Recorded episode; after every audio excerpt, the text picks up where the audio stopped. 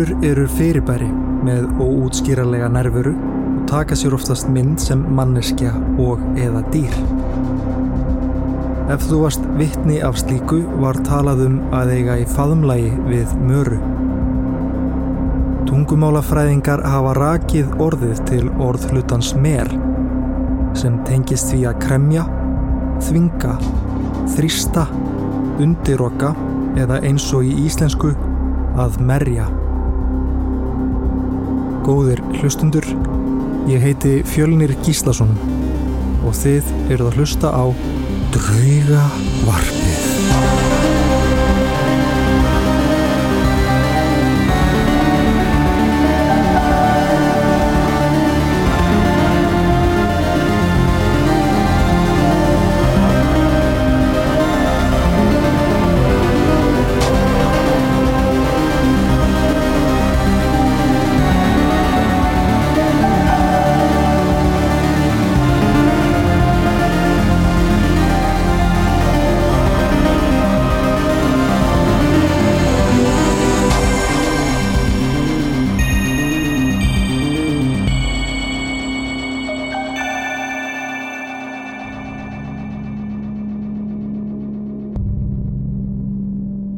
Saga Íslands hefst samkvæmt hefbundinni sögurskoðun með landnámi Ingóls Arnasonar um 870 því þá hefst jáfnframt skipulagt landnám Íslands.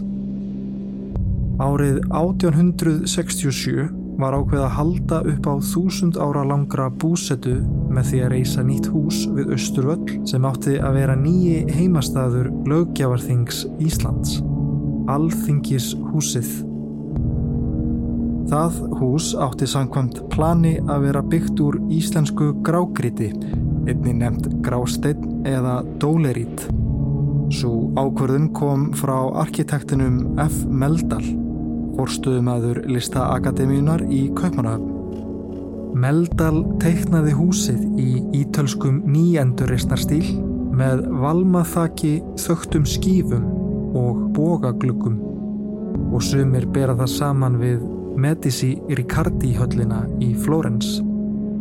Húsið er tveggja hæða með tvöföldum steinhlöðnum veggjum með sementi, kalki og sandi á milli. Látlausar skreitingar príða húsið fyrir ofan glukka af framaverðu, landvættirnar sem lámyndir og fyrir miðju trónir kórona og merki Kristjáns nýjunda, Danakonungs. Fyrir neðan þakskegnið er ártalið 1881 úr málmstöfum aðskildum með stjörnum. Ný klassiskur stíl er innan hús og á alþingi voru fyrstu salerni innan dýra. Tók það tvö ár í uppbyggingu 1880 til 1881 en síðan þá hafa tvær viðbyggingar verið reistar við húsið, Kringlan 1908 og Skálinn 2002. Starfsaðstæða blaða og frettamanna er á þriðjuhæð þinghúsins og í bladamannastúku á þingpöllum. Þeim er frjáls aðgangur að andiri og matsal í skála, starfsvæði sínu á þriðjuhæð í alþingishúsi og setustofu í kringlu. Þeim er hins vegar óheimill aðgangur að annari hæð þinghúsins utan gönguleðar er tengir alþingishús og skála. Fyrir ofan aðstöðu bladamanna er háaloft sem stendur aukt en súhæð er öll undir súð og stutt á milli veggja.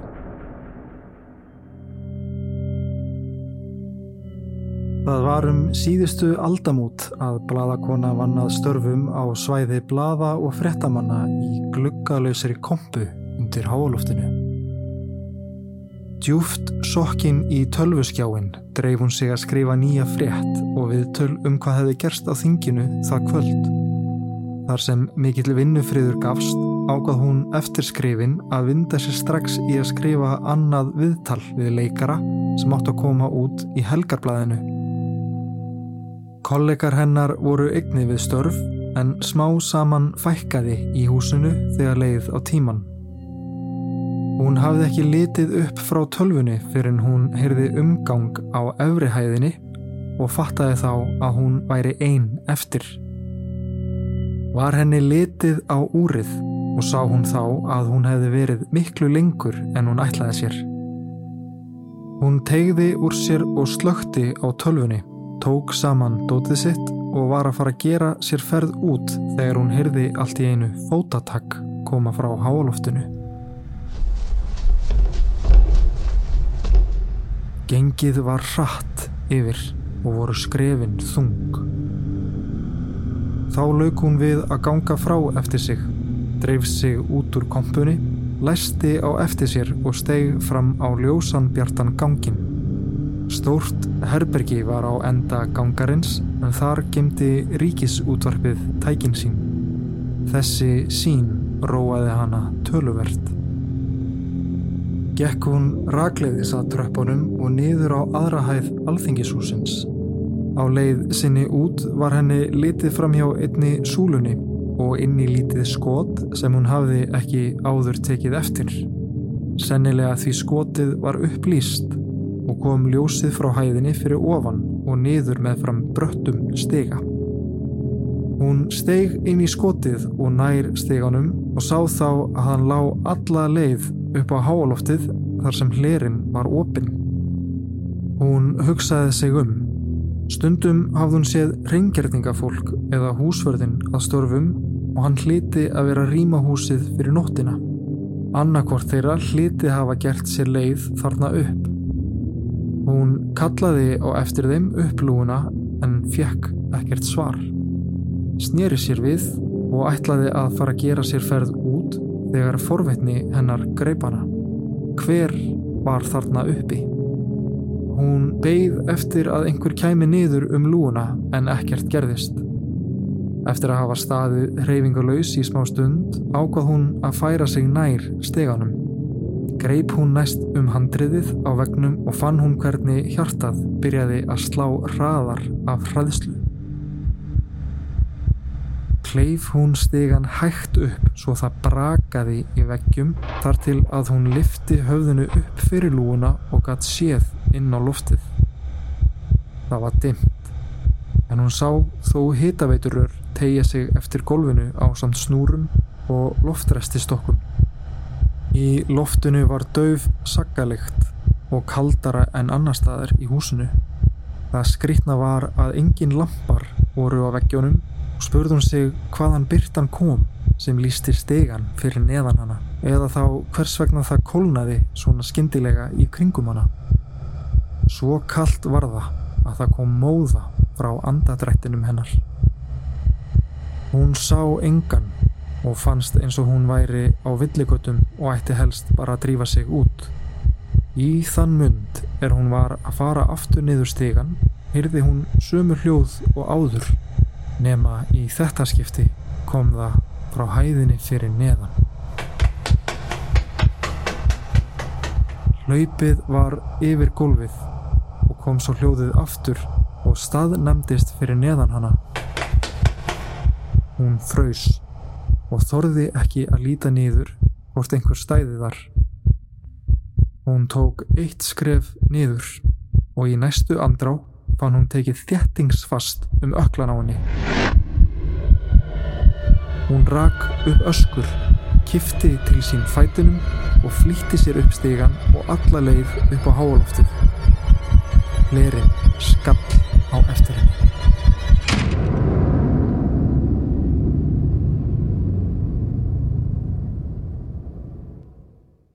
Var um lökin myrkri. Hún reyndi eins og hún gat að þreyfa fyrir hlerunum en gat ómögulega fundið hann. Hún setti eira við gólfið en heyrði ekkert. Fótatakið var farið. Hún hugsaði með sér að ef það barst fyrir neðan hana þá ætti hún að vera örugari hér fyrir ofan. Gólfið var svo kallt að brátt dopnuðu fingurnarinnar og hún fann ekki fyrir neinu. Hugsanir hennar urðu rugglingslegar. Hver var þarna niðri og af hverju var hlerin opinn? Þær voru margar spurningarnar en eitt vissum þó og það var að myrkrið þarna uppi hlaut að vera verra en nokkuð annað. Í örvæntingu sinni skreið hún eins langt og hún gat undir súð í svolöllu skoti við endan á loftræstistokkinum en henn fannst hún örugari þar en á sama tíma eins og hún væri komin í sjálfheldu. Allt í einu sá hún döft ljós berast inn um þagluggan og inn á golf. Í gegnum glerið skein mjó ræma frá tungsljósinu og enn meira myrkur gæti mögulega verið undankomuleið í gegnum gluggan. Hún reyf sig á fætur og þreyfaði allt í kringum í leita krók til að opna gluggan, en án árangurs. Hóf hún þá að berja hnúfum í glerið í þeirri vonum að einhver skildi heyra í henni eða þá að ræsa þjóavörnina en ekkert gerðist. Henni fannst eins og hún væri að missa vitið af óta. Hún reyndi eins og hún gat að halda rósinni en það var erfitt fyrir þungum hjartslættinum og hræðslunni. Einnig var hún byrjuð að ofanda og ekki langt frá að fá kvíðakast. Allt í einu heyrðist látt írskur utan úr myrkrinu. Hún greip um muninn á sér en þá þagnaði ljóðið um leið. Skelvingu lostin leit hún í kringum sig en sá ekkert.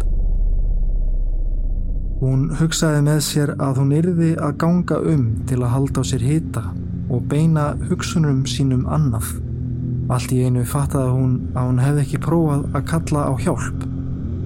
Hún snýri sér aftur þar sem hún áleita stigagati væri, stappaði niður fótonum, let sig falla í golfið og rópaði á hjálp þánga til að röttin kvarf. Næst veldi hún sér á bakið. Hvað ef mér er bara að dreyma, hugsaði hún. Hún lokaði augunum og beigð þess að vakna. Hjartslátturinn var þungur og henni var byrjað að svima. Allur máttur og tilfinning var farin úr líkamannum. Utan úr myrkrinu, hinu megin í herbygginu, fannst henni eins og það væri verið að fylgjast með sér. Þá rifjast upp fyrir henni það sem er sagt um fólk sem stekkur af háísum að það degi úr hjarta áfalli á leiðinni niður. Væri hægt að deyja úr hræðslu. Næst reyndi hún að fara með bæn en myndi enga. Það var hlaupið aftur hratt yfir gólfið. En í þetta skipti kom það af sömu hæð og hún var á. Af háaloftinu. Hún leiti upp og sá eitthvað skjótast inn í myrkrið. Það var eitthvað, einhver með henni þarna. Myrkrið þjættist að líkamannum hennar og þingsli lagðist yfir brjóstið. Hún gat ekki lengur hreift sig og kom ekki upp hljóði. Hún bara starði upp í loftið og fannst allt í einu eins og heimurinn væri á flegi ferð og ekkert haldreipi í neinu. Hún horfi á andadráttin sinn þjættast í loftinu þegar hún andaði frá sér. Kuldin streymdi yfir hana og hrín þakti gólfið og veggina. Allt í einu var kvistlað í eirað á henni. Það var hjá mér áðan, en núna er það hjá þér. Það næsta sem hún myndi var að ganga niður stegan af annara hæð og yfir skrautmunstrað golfið í andirnu. Húsvörðurinn kom á móti henni. Hann var hissa að sjá hana og sagðist ekki hafa orðið var við neitt á efstuhæðinni en hlifti henni þó út án þess að spurja frekari spurningar. Næstu vikur lág hún rúmföst heima hjá sér og tók sér frí frá vinnu. Áfallið var það mikið að hún jafnvel óskaði sér að deyja. Hún trúði engum fyrir því sem hún lendi í nema vinkonu sinni sem stakk upp á að hún hefði nú sennilega lendi í faðmlagi við möru. Smá saman jafnaði hún sig en það sem eftir var kom hún aldrei inn á alþingi aftur. og þegar hún leita á húsið saðist hún ekki geta séð neitt nema þessa tvo litlu þaglukka og rýmið innan á þeim.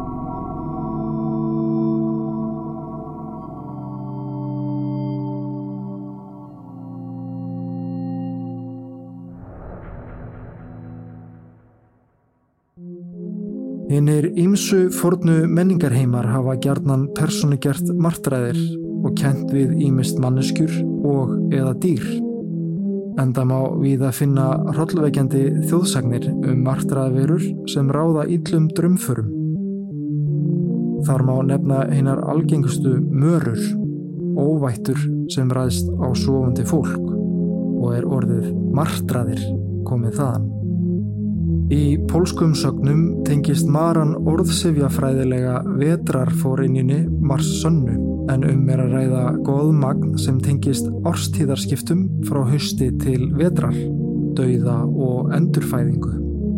Samkvæmt pólskum sögnum gatt maran ímist verið syndug kona, kona sem dó án þess að gera hjáttningu eða kona sem einhver hafði komið illa fram við í lifandi lífi. Vörur gáttu eigni verið sjöundu dætur, voru í einhverjum tilfellum með miðslitt augu eða voru sambrindar. Stundum hafði nafn þeirra verið ramtbórið fram við skýrin, en alla jafna trúði fólk að mörur gætu breytt sér í ími stýr og hluti eins og til dæmis ketti, froska, garn, strá eða eppli. Mörurnar þurrjusu mannfólk og hústýr af orku og jafnvel blóði á nóttunni. Í erlendum þjóðsögnum eru til frásagnir af íllum álfi sem kallast Dettán. Hann breytir sér í fuggl eða annað dýr, situr á brjóstum manna og kallar fram martraðir. Algengar aðferðir til að verjast mörum í Pólandi voru að drekka kaffikorg fyrir söfnin taka hattinn af mörni, kasta snöru að henni, sofa með leður, brúðkaupsvelti eða ljá, bjóða mörni í morgunmatt, skipta um septstellingu, smyrja úrgangi á útidirahörðina, setja heiböggul í rúmið og sofa annar staðar. Til þess að vernda hústýr hengdi fólk speil yfir jötuna eða kom dauðum ránfugli fyrir á hlöðutyrum til að hræða möruna burt. Stundum var rauður borði settur á hesta eða þeir smurðir illa lyktandi efni. Já, ég hef sjálf ekki orðið vör við drauga í þingúsinu og ég er nú búin að vera þingmaður í 14 ás Um, og hef dvalið í þinghúsinu og öllum tímum sólarhengs þannig að það er ekki eins og maður hef ekki verið þarna á nóttunni og snemma dags og seint kvölds og aldrei sé draug en ég er svo sem sé almennt ekki drauga. Það eru þetta sögur af uh, draugagangi á háaloftinu sem eru gamlar og eiga rættur að reykja til þess þegar Háskóli Íslands var í þinghúsinu eins og ég skild þær sögur. Og þá talaðum einhver, hljó, einhver hljóð uh, upp á lofti í þinghúsinu. Um, en það þótti nú sko sá draugagangur þótti nú eiga sér einhverjar svona náttúrulegar skýringar en síðan er þetta fjallað um þetta líka í bók sem heitir Remleikar í Reykjavík um draugagang í þinghúsinu. Uh, ég hef aðeins spurst fyrir uh, spurt fólk sem hefur verið þarna lengur en ég eins og til dæmis fórstættu þingsins og hann hefur ekki orðið varfið neina drauga. En svo má kannski segja að nútímanum væri líklega að fólk geti vart kannski við draugagang ef um hann væri að ræða í bílakjallaranum sem er kannski óhugnalegri í nútímanum heldur en háaloftið. Alþingishúsið er staður sem þrungin er tákdragni merkingu og áþreifanlegt saminningartákn fyrir íslenska þjóð. Östurvöllur sem staðsettur er fyrir framann þinghúsið er helsti vettvangur hátíðarhalda sem eiga að skapa einingu hjá þjóðinni og er hann einnig helsti staður pólitiskra átaka í borginni. Mörg átakin eru okkur minnistæð í þjóðarsálinni líkt og þegar anstæðingar ingöngu þjóðarinnar í NATO tókust á við laurugluna þann 30. mars árið 1949. og svo í setni tíð mótmæli búsáhaldarbyltingarinnar í kjölfar efnahagsfrunnsins árið 2008. Sagan í Alþingishúsinu gefur ekki rými til hugleðinga um afhverju draugurinn haldi til í þinghúsinu og ásaki starfsfólk þess. Þó skilur hann eftir sig djúbstætt sár í sálalífi hennar, líkt og þau átök og mótmæli fyrir utan húsið sem hafa skilið eftir sig djúbstætt sár í sálalífi þjóðarinnar. Draugasagan byggir á fyrirbæri úr þjóðsagnararfi Íslendinga sem, eins og alþingishúsið, er mikilvægur minnisvettvangur í menningarlegu minni þjóðarinnar. Það má þá ímynda sér að draugurinn endurspegli einhvers konar ógn sem stæðjar að húsinu og þeirri hugmynd sem það stendur fyrir.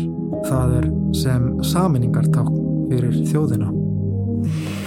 Sko við, ég auðvitað vinn svo núna í stjórnaræðinu sem er gammalt fangelsi og það er náttúrulega mikil saga sem fylgir gömlum fangelsum og ekki síst síðan uh, sem fá svo nýtt hlutverk og það er saga um draugagang hér upp á hálófti uh, og svo saga uh, fjallaði um mann sem vann hér sagt, við öryggiskeslu og gekk sem sagt rúmt um húsið á einhverja klukkustunda fresti.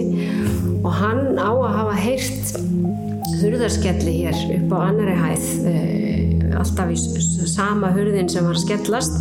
Þar sem voru fangaklefar í gamla dag og eh, það hérna e, svona allir því að hurðin var sem sagt rannsöku og það kom ekki til ljós ekkert skýrt hurðarskjallina það var ekkert sem útskýrði þetta. En sagan var svo að þessi, þessir hurðarskjallir ættu kannski rættur að reykja til fólk sem var haldið hér föngnu þegar hérna húsið var fangilsi og meiri sé að var uppi kenning um það að uh, Steinun Sveinsdóttir sem var sem sagt dæmt til dauða fyrir morðin á sjönda og að samt hérna Bjarnar Bjarnarsinni og ég held að ég fari rétt með nöfnin ég er nú ekki búin að rifja þetta upp en það er auðvitað fjallað um þetta í, í hérna svartfugli, þetta eru sjöndármorðin að þetta hafi verið hún sem gekk hérna um og skellti hulum Morðin á sjöundá er eitt frægasta morðmál í sögu Íslendinga þar sem Steinun Sveinsdóttir átti hlut á glæp sem framinn var árið 1802 og átti svo setna meir eftir að ganga aftur á skólavörðuholtunu. En meira um það í næsta þætti.